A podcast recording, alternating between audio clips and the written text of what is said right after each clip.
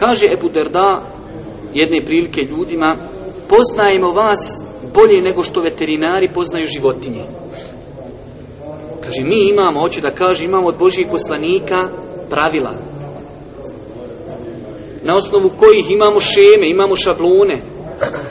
Na osnovu kojih mi vas poznajemo nego, bolje nego što veterinar poznaje životinju. Pa onda on njima kaže, Znamo ko je među vama dobar, a ko loš. Dobri su oni od kojih se očekuje dobro, a ovdje je malo prevedeno, a čovjek je siguran njihovog zla. Tako treba bukvalno prevesti, to je bolje. Kaže, dobri su oni od kojih se očekuje dobro, a siguran si njihovog zla. A loši su oni od kojih se ne može očekivati dobro, niti se može biti siguran od njihovog zla i oni koji ne puštaju oslobođene robove. Hadis Allahu poslanika je znači baš ovo što je zadnji kazao Ebu Darda Hajrukum men jurđa hajruhu Najbolji među vama su oni od kojih se očekuje dobro. Zato svako od nas treba da se prispita kako ljudi gledaju na njega u društvu.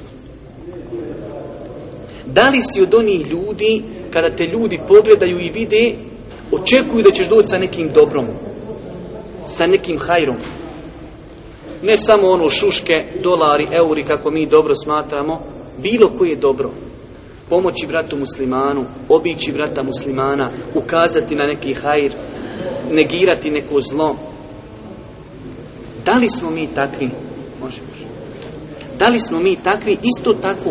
Da li su ljudi sigurni naših zla? Naš ljudi, kada nekog vidiš na ulici, ma daj zaobiđi drugom ulicom. Zašto? Nisi sigurno će ti nanijeti kakav belaj. Ili kad dolazi on stanovat u neki, neku nasilje, ljudi izgubi nekad osjećaj zaista gdje se nalazi prostor, vrijeme, a eto, Bože moj, stari ljudi.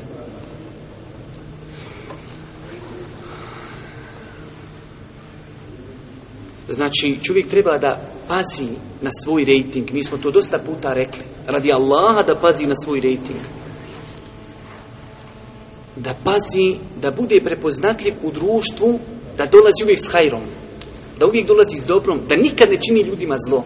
I to su oni za koji Boži poslanik kaže hajrukom. Najbolji među vama su oni koji, od kojih se očekuje uvijek hajr.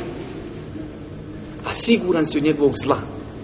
A najgori među vama su oni od koga ne očekuješ, od kada vidiš, ma kaže, nema od njega ništa, iscijedi ga ovako, ovako, kako god, iz njega ništa pametno izniš niče. A nisi siguran njegovog zla. Uvijek ti može napraviti neki belaj. To su najgori